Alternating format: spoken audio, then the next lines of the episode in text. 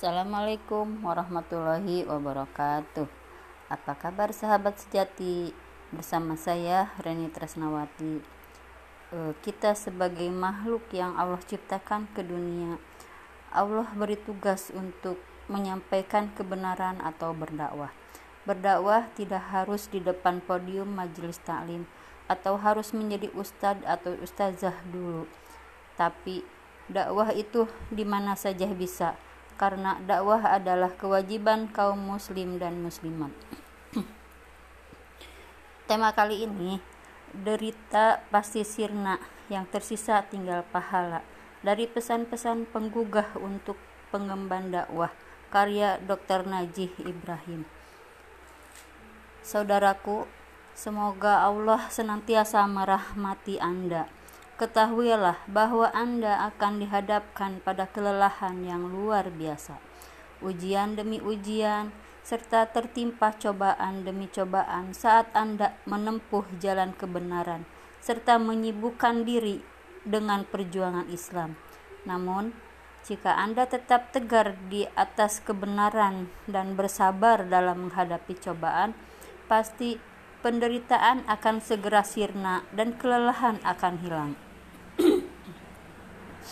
Yang tersisa tinggallah balasan yang baik dan pahala Anda insya Allah.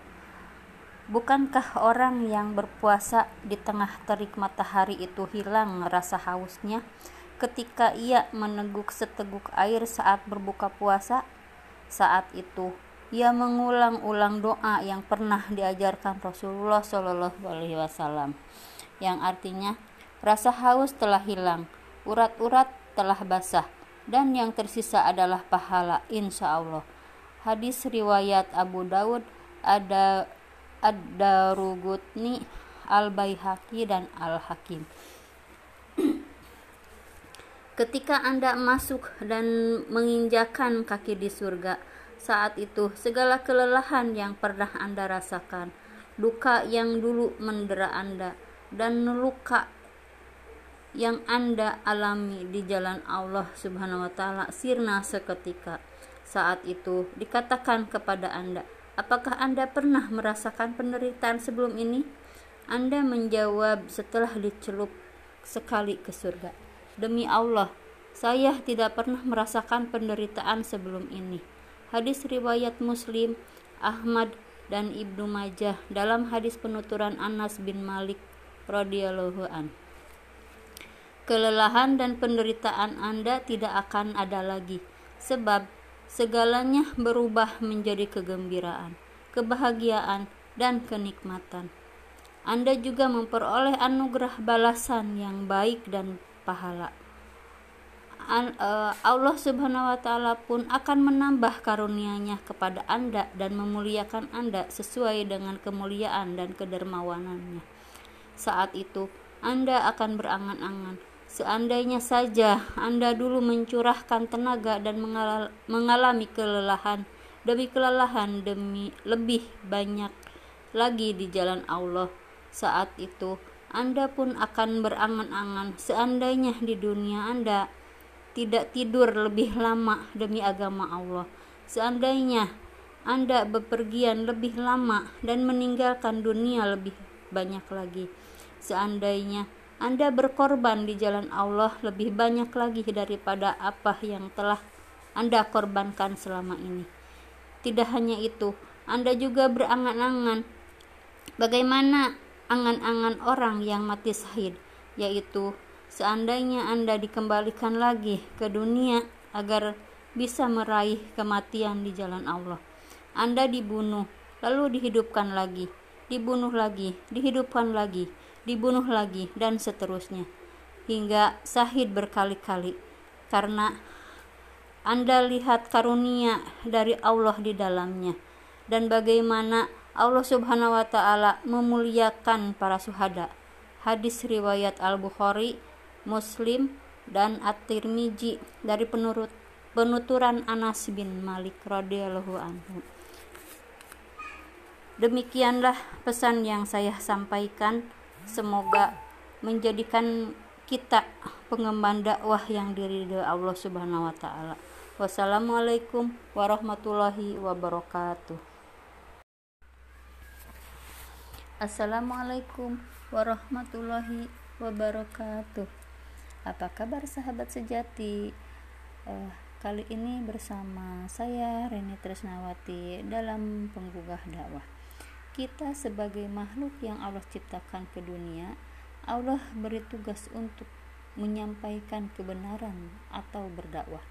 Berdakwah tidak harus dengan di depan podium majelis talim atau harus menjadi ustadz atau ustazah dulu. Tetapi dakwah itu di mana saja bisa. Karena dakwah adalah kewajiban kaum muslim dan muslimat. Tema yang akan saya sampaikan hari ini adalah derita pasti sirna yang tersisa tinggal pahala dari pesan-pesan penggugah untuk pengemban dakwah. Saudaraku, semoga Allah senantiasa merahmati kita semua, terkhusus Anda. Ketahuilah bahwa kita akan dihadapkan pada kelelahan yang luar biasa, ujian demi ujian, serta tertimpa cobaan demi cobaan saat kita menempuh jalan kebenaran serta menyibukkan diri dengan perjuangan Islam. Namun, jika kita tetap tegar di atas kebenaran dan bersabar dalam menghadapi cobaan, pasti penderitaan akan segera sirna dan kelelahan akan hilang. Yang tersisa tinggallah balasan yang baik dan pahala bagi kita, insya Allah. Baik, bukan bukankah orang yang berpuasa di tengah di tengah terik matahari itu hilang rasa hausnya? ketika ia meneguk seteguk air saat berbuka puasa. Saat itu ia mengulang-ulang doa yang pernah diajarkan Rasulullah Shallallahu Alaihi Wasallam. Rasa haus telah hilang, urat-urat telah basah, dan yang tersisa adalah pahala insya Allah. Hadis riwayat Abu Daud, Ad-Darubutni, Al-Baihaqi, dan Al-Hakim. Ketika kita masuk dan menginjakan kaki di surga, saat itu segala kelelahan yang pernah kita rasakan, duka yang dulu mendera kita, dan luka yang kita alami di jalan Allah Subhanahu wa taala sirna seketika. Saat itu dikatakan kepada kita, apakah kita pernah merasakan penderitaan sebelum ini? Kita menjawab setelah dicelup sekali ke surga, Demi Allah, saya tidak pernah merasakan penderitaan sebelum ini. Hadis riwayat Muslim, Ahmad dan Ibnu Majah dalam hadis penuturan Anas bin Malik radhiyallahu an. Kelelahan dan penderitaan uh, anda, uh, kita tidak akan ada lagi sebab segalanya berubah menjadi kegembiraan, kebahagiaan dan kenikmatan kita juga memperoleh anugerah balasan yang baik dan pahala. Allah Subhanahu wa taala pun akan menambah karunia-Nya kepada kita dan memuliakan kita sesuai dengan kemuliaan dan kedermawanannya. Saat itu kita akan berangan-angan seandainya saja saya dulu mencurahkan tenaga dan mengalami kelelahan demi kelelahan lebih banyak lagi di jalan agama saya. Saat itu e, kita pun akan berangan-angan. Seandainya di dunia saya tidak tidur lebih lama demi agama Allah seandainya saya bepergian lebih lama dan meninggalkan dunia lebih banyak lagi seandainya saya berkorban di jalan Allah lebih banyak lagi daripada apa yang telah saya korbankan selama ini e, tidak hanya itu kita juga berangan-angan sebagaimana angan-angan orang yang mati sahid, yaitu seandainya saya dikembalikan lagi ke dunia agar bisa meraih kematian di jalan Allah. Saya dibunuh, lalu dihidupkan lagi, dibunuh lagi, dihidupkan lagi, dibunuh lagi, dan seterusnya. Hingga sahid berkali-kali, karena saya melihat karunia dari Allah di dalamnya dan bagaimana Allah Subhanahu wa taala memuliakan para suhada. Hadis riwayat Al-Bukhari, Muslim dan At-Tirmizi dari penurut penuturan Anas bin Malik radhiyallahu anhu. Demikianlah pesan yang saya sampaikan. Semoga menjadi jadikan kita pengemban dakwah yang diridhoi Allah Subhanahu wa taala. Amin. Wassalamualaikum warahmatullahi wabarakatuh. Assalamualaikum warahmatullahi wabarakatuh. Apa kabar sahabat sejati? Uh, kali ini bersama saya Reni Tresnawati dalam penggugah dakwah. Kita sebagai makhluk yang Allah ciptakan ke dunia, Allah beri tugas untuk menyampaikan kebenaran atau berdakwah. Berdakwah tidak harus dengan di depan podium majelis talim atau harus menjadi ustadz atau ustazah dulu. Tetapi dakwah itu di mana saja bisa. Karena dakwah adalah kewajiban kaum muslim dan muslimat. Tema yang akan saya sampaikan hari ini adalah Derita pasti sirna, yang tersisa tinggal pahala dari pesan-pesan penggugah untuk pengemban dakwah. Saudaraku, semoga Allah senantiasa merahmati kita semua, terkhusus Anda. Ketahuilah bahwa kita akan dihadapkan pada kelelahan yang luar biasa, ujian demi ujian, serta tertimpa cobaan demi cobaan saat kita menempuh jalan kebenaran serta menyibukkan diri dengan perjuangan Islam. Namun, jika kita tetap tegar di atas kebenaran dan bersabar dalam menghadapi cobaan, pasti penderitaan akan segera sirna dan kelelahan akan hilang.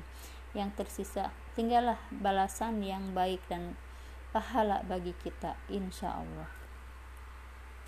Baik, bukan bukankah orang yang berpuasa di tengah di tengah terik matahari itu hilang rasa hausnya?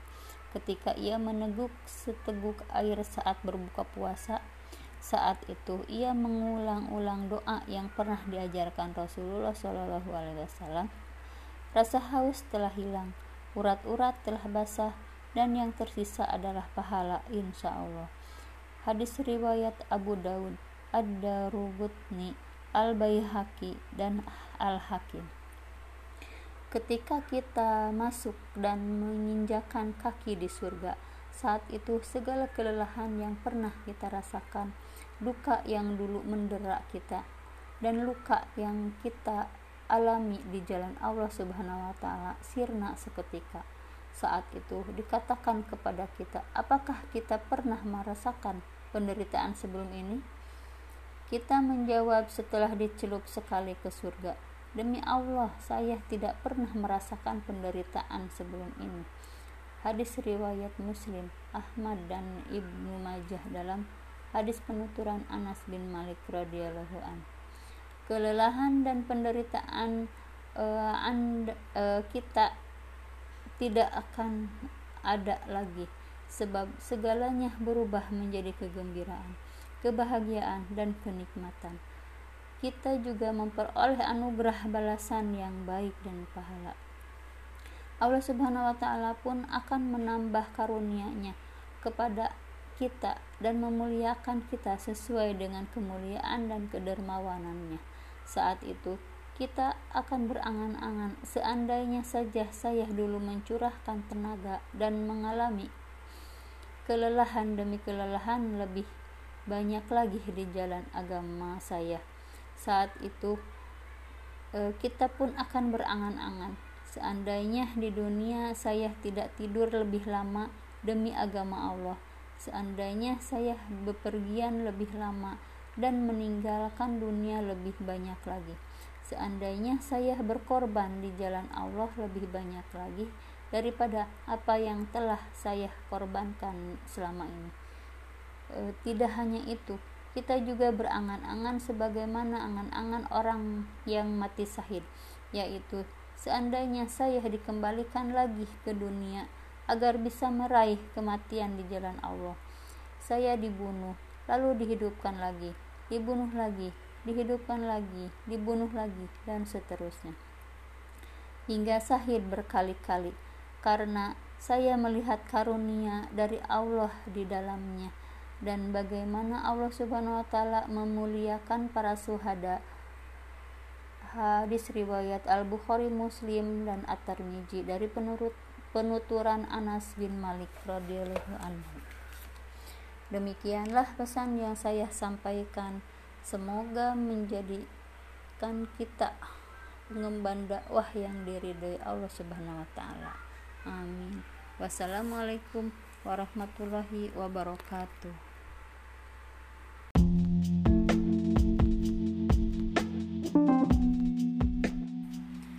Assalamualaikum warahmatullahi wabarakatuh Apa kabar sahabat sejati? Bersama saya Reni Tresnawati dalam penggugah dakwah. Kita sebagai makhluk yang Allah ciptakan ke dunia Allah beri tugas untuk menyampaikan kebenaran atau berdakwah. Berdakwah tidak harus di depan podium majelis talim atau harus menjadi ustadz atau ustazah dulu. Tetapi dakwah itu di mana saja bisa.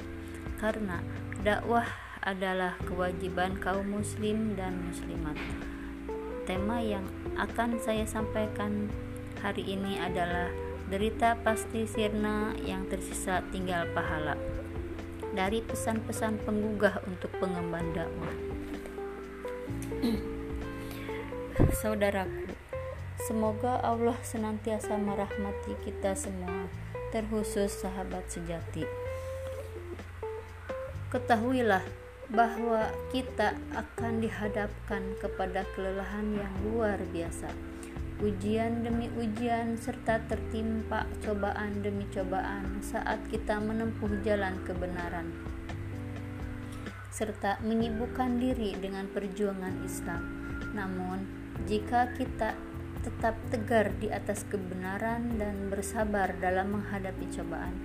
Pasti penderitaan akan segera sirna dan kelelahan akan hilang. Yang tersisa tinggallah balasan yang baik dan pahala bagi kita insya Allah. E, bukankah orang yang berpuasa di tengah terik matahari itu hilang hausnya ketika ia meneguk seteguk air saat e, berbuka puasa saat itu ia mengulang-ulang doa yang pernah diajarkan Rasulullah Shallallahu Alaihi Wasallam yang artinya rasa haus telah hilang, urat-urat telah basah dan yang tersisa adalah pahala insya Allah.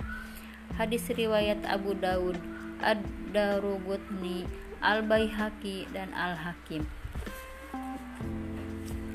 Ketika kita masuk dan menginjakan kaki di surga.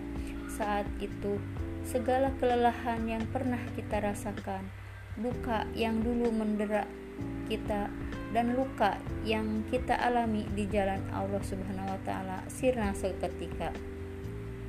Saat itu dikatakan kepada kita, apakah kita pernah merasakan penderitaan sebelum ini?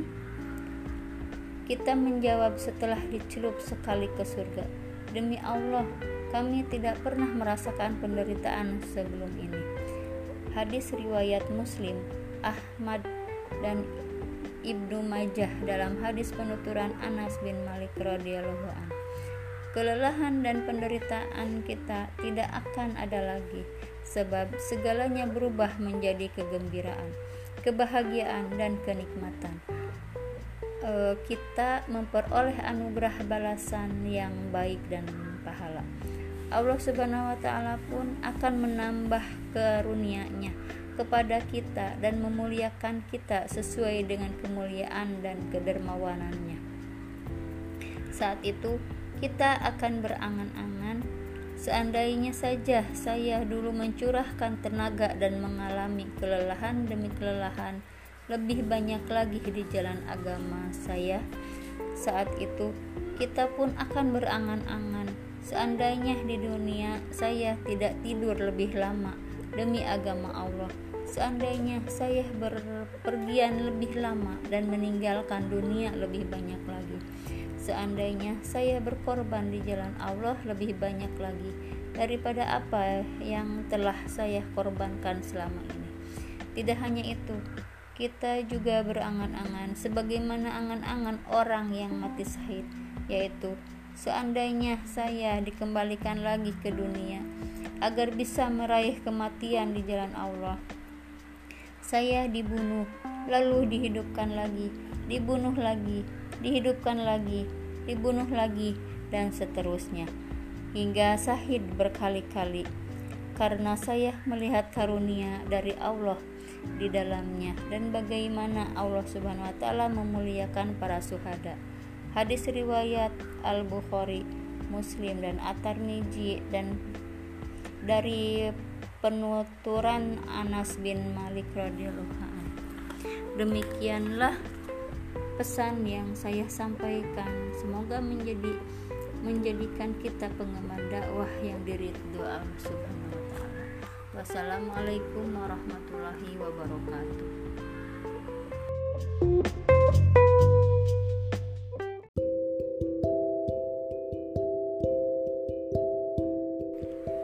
Assalamualaikum warahmatullahi wabarakatuh. Alhamdulillah kita sekarang sudah uh, masuk di pertengahan bulan Ramadan yang akan saya sam sampaikan ha, uh, sekarang ini adalah Ramadan kesempatan yang tak tergantikan dari uh, Ramadan hidangan dari Allah bagi orang beriman. Segala puji hanya milik Allah yang Maha Pengasih lagi Maha Penyayang Maha Agung dan Maha Besar, Maha Kuasa, Zat yang Maha Kaya, lagi Maha Bijaksana. Dia Maha Agung sehingga tidak memerlukan sekutu dan anak. Maha Mulia sehingga tidak membutuhkan apa pun. Maha Suci untuk mempunyai penyerupa. Barang siapa yang melayaninya, niscaya mendapat karunia-Nya. Barang siapa yang berlindung kepada Allah untuk menghilangkan kesulitannya, kesulitannya pun sirna. Barang siapa berinteraksi dengannya akan mendapat keuntungan darinya. Maha suci Allah, Zat yang Maha Pemberi pahala dan menghukum hamba-hambanya. Keberuntungan bagi orang yang bertakwa dan bagi orang yang merasa diawasi olehnya. Dia limpahkan nikmat kepada umat dengan kesempurnaan sebaik-baiknya. Dia limpahkan kembali nikmatnya karena kedermawanannya. Dia jadikan bulan Ramadan miliknya. Ini sebagai bulan penuh ampunan. Beberapa hari yang ditentukan itu ialah bulan Ramadan, bulan yang di dalamnya diturunkan permulaan Al-Quran dari surat Al-Baqarah ayat 185. Saya memuji Allah Subhanahu wa taala atas keistimewaan dan atas keistimewaan yang Dia berikan kepada kita di bulan Ramadan yang dikhususkan untuk puasa dan sholat malam. Saya bersyukur kepadanya atas tercapainya harapan mendapatkan nikmat sempurna. Semua yang ada di langit dan di bumi selalu meminta kepadanya setiap waktu dia dalam kesibukan. Eh, Ar-Rahman ayat 55. Assalamualaikum warahmatullahi wabarakatuh.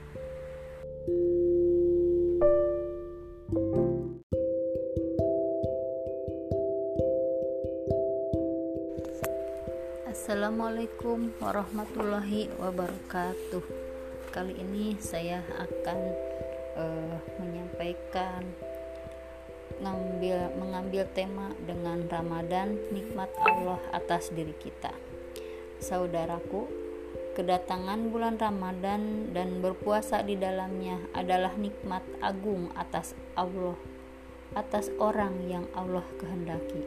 Hal ini dibuktikan oleh sebuah hadis dari Abu Hurairah radhiyallahu anhu yang menuturkan ada dua orang laki-laki dari negeri Kuda Kudaah masuk Islam di hadapan Nabi Muhammad Shallallahu Alaihi Wasallam. Yang pertama mati sahid, sedang yang kedua wafat setahun sesudahnya. Talhah bin Ubaidillah berkata, Aku bermimpi melihat surga Aku melihat orang yang mati syahid didahului oleh temannya ketika masuk surga. Aku heran karenanya. Keesokan harinya, aku sampaikan hal itu pada Rasulullah Shallallahu Alaihi Wasallam.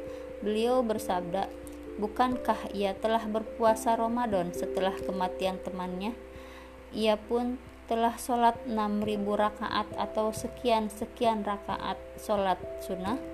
Para sahabat menjawab, benar Rasulullah.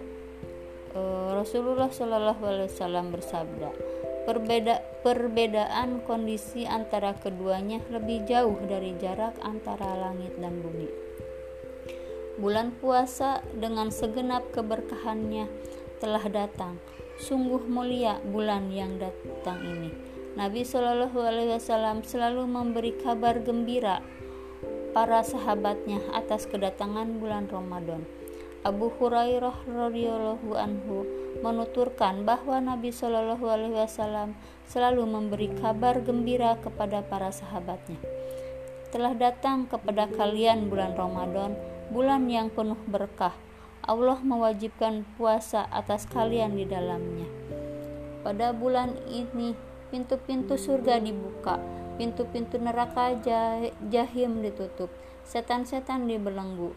Di dalamnya ada suatu malam yang lebih baik dari seribu bulan. Barang siapa yang diharamkan mendapat kebaikan malam itu, maka ia telah diharamkan.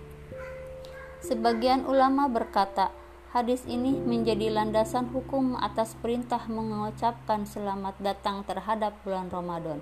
Bagaimana mungkin seorang mukmin tidak bergembira dengan dibukakannya pintu-pintu surga? Sebagaimana seorang pendosa tidak bergembira dengan ditutupnya pintu-pintu neraka? Bagaimana seorang yang berakal tidak bergembira dengan dibelenggunya setan-setan? Waktu seperti apa yang menyamai bulan Ramadan?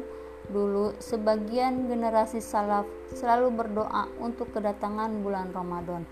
Setiap kali bulan Rajab datang, mereka berucap, "Ya Allah, berkahilah kami di bulan Rajab dan Sa'ban, dan sampaikanlah kami di bulan Ramadan."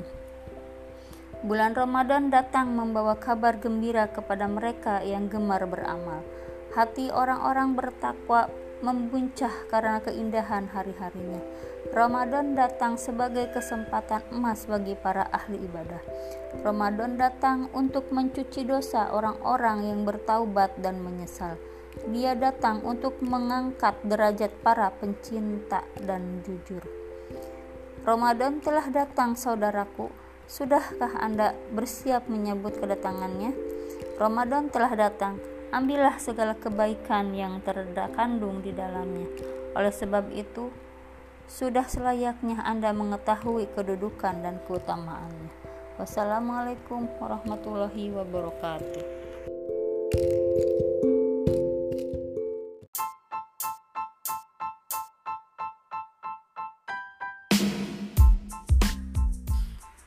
Assalamualaikum warahmatullahi wabarakatuh. Eh, kali ini kita akan membahas dengan tema Ramadan bulan diturunkannya risalah Allah.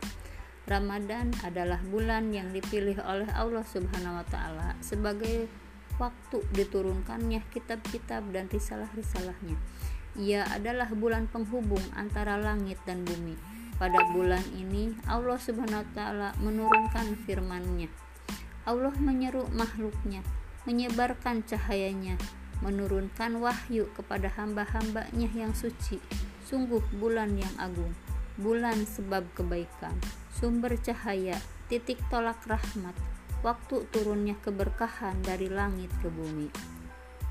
Watsilah bin al-Asqo menuturkan bahwa Rasulullah Shallallahu Alaihi Wasallam bersabda, suhuk Lembaran-lembaran Ibrahim diturunkan pada malam pertama bulan Ramadan.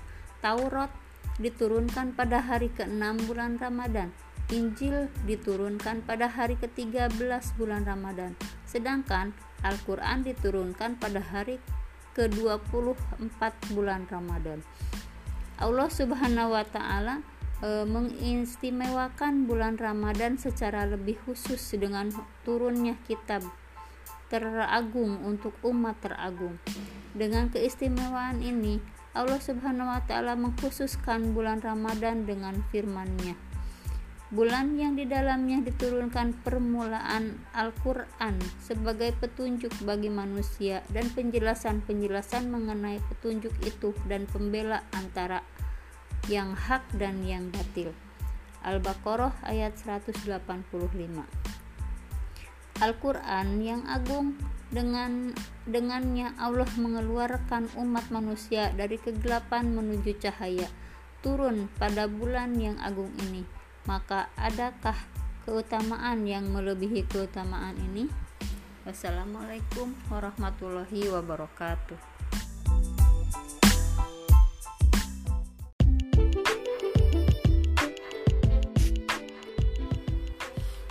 Assalamualaikum warahmatullahi wabarakatuh. Untuk kali ini kita mengambil tema dengan puasa Ramadan adalah milik Allah.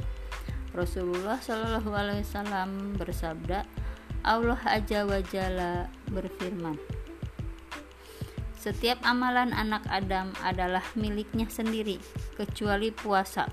Sebab puasa adalah milikku dan akulah yang memberi pahala kepadanya atas puasa itu. Mutafak alaih.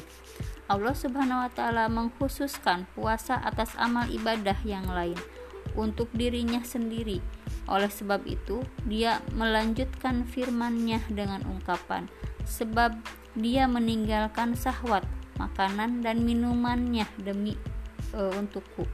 Hadis riwayat Ahmad. Ada beberapa manfaat di dalam tindakan meninggalkan syahwat jiwanya dengan tidak makan, minum, dan berhubungan seksual sehingga waktu berbuka. E, manfaat tersebut adalah satu menempa jiwa sebab berasa kenyang dan menggauli istri menyebabkan jiwa lalai dan sombong. 2. Memfokuskan hati untuk berpikir dan berzikir sebab memenuhi ketiga sahwat tersebut terkadang mengeraskan hati, membuatnya kosong, menghalangi hamba dari zikir dan pikir serta mendorong sikap lalai. Kosongnya perut dari makanan dan minuman bisa memberi cahaya pada hati, menjadikannya peka, menghilangkannya sikap keras, dan menjadikan dirinya terkonsentrasi untuk berzikir dan berpikir. 3. Orang kaya bisa menyadarkan keluas, keluasan karunia Allah atas dirinya. Ia menjadi tahu betapa Allah telah melimpahkan kepadanya apa yang tidak dilimpahkan kepada kaum fakir, seperti makanan, minuman, dan ikatan pernikahan. Hal ini mendorong dirinya untuk bersyukur kepada Allah dan berinfak di jalannya. 4. Puasa mempersempit aliran darah yang menjadi media perjalanan setan di tubuh manusia. Karena setan mengalir di dalam tubuh manusia dengan perantara aliran darah. Dengan puasa, Bisikan setan semakin mereda, gejolak syahwat dan amarah menjadi turun. Karenanya, Nabi Shallallahu Alaihi Wasallam menjadikan puasa sebagai wajah atau kebiri, sebab ia memutus syahwat seksual. Untuk itu, Nabi Muhammad Wasallam bersabda, "Barang siapa yang tidak meninggalkan perkataan dustanya, Allah Subhanahu wa taala tidak butuh tindakannya meninggalkan makan dan minum. Dalam hadis lain disebutkan, puasa itu bukanlah pada tindakan meninggalkan makan dan minum, melainkan puasa adalah tindakan meninggalkan perkataan dusta dan sia-sia. Jabir berkata, "Bila kamu berpuasa, hendaklah mendengarkan pendengaran penglihatan dan lisanmu juga berpuasa dari kedustaan dan perkara-perkara haram. Tinggallah perilaku menyakiti tetangga. Hendaklah kamu bersikap tenang dan sabar pada hari puasamu. Jangan sampai kamu jadikan hari puasamu sama seperti hari berbukamu. Nabi Shallallahu Alaihi Wasallam bersabda, Berapa banyak orang yang berpuasa hanya mendapatkan lapar dan haus dari puasanya, dan berapa banyak orang yang e, bangun malam untuk sholat hanya mendapatkan begadang dari bangunnya. Ini menjadi isyarat bahwa orang yang memenuhi perintah Allah Subhanahu wa taala dengan menjauhi makan dan minum di hari puasanya hendaknya juga memenuhi perintahnya untuk menjauhi makanan harta orang lain secara batil. Tindakan ini haram secara total, tidak menjadi mubah pada kondisi apa pun. Wassalamualaikum warahmatullahi wabarakatuh.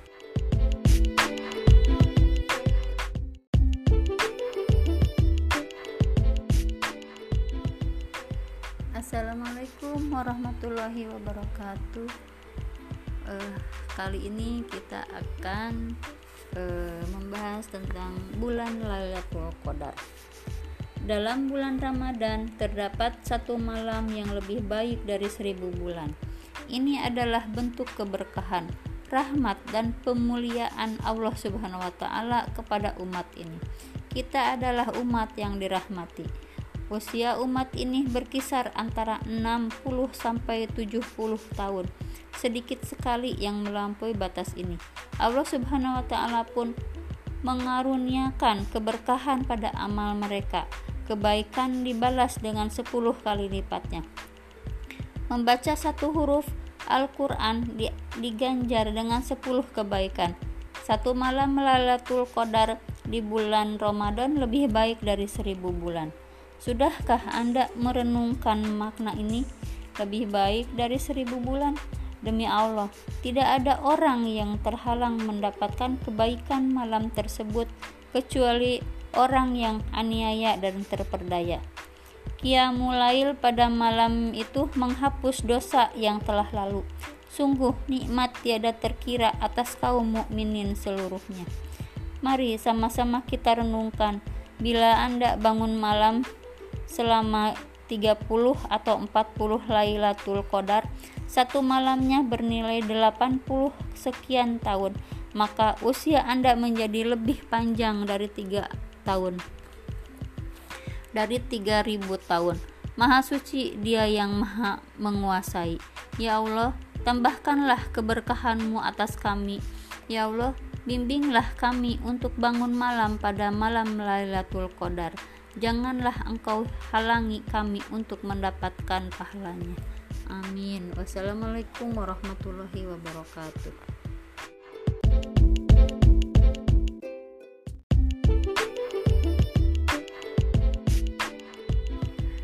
Assalamualaikum warahmatullahi wabarakatuh. Uh, hari ini kita akan membahas tentang terbukanya pintu surga tertutupnya pintu neraka. Pada bulan ini, pintu-pintu surga dibuka dan pintu-pintu neraka ditutup. Saudaraku seiman, sudahkah Anda mencerna makna bahwa pintu-pintu surga terbuka lebar bagi orang-orang yang mengharapkannya, sedangkan pintu neraka tertutup rapat? Keistimewaan ini tidak terdapat pada bulan yang lain. Maka kenalilah kemuliaan bulan agung ini saya tidak tahu bila Anda tidak juga masuk surga ketika pintu-pintu terbuka. Kapan lagi Anda bisa memasukinya? Bila Anda tidak juga menjauh dari neraka ketika pintu-pintunya tertutup rapat, kapan lagi Anda menjauh darinya? Semoga Allah Subhanahu wa taala memberi maaf kepada kita semua. Amin. Wassalamualaikum warahmatullahi wabarakatuh.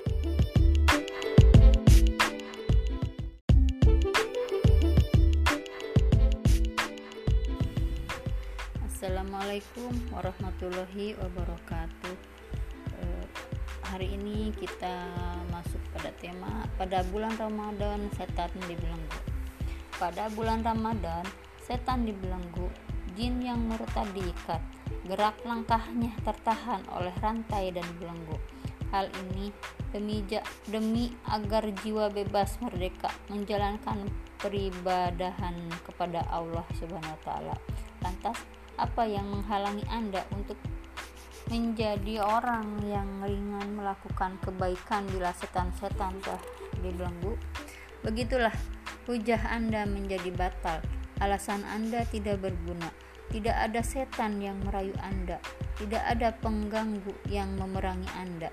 Yang ada hanyalah jiwa yang selalu menuntun kepada keburukan. Bangkit dan bebaskan diri Anda dari kekuasaan jiwa buruk itu.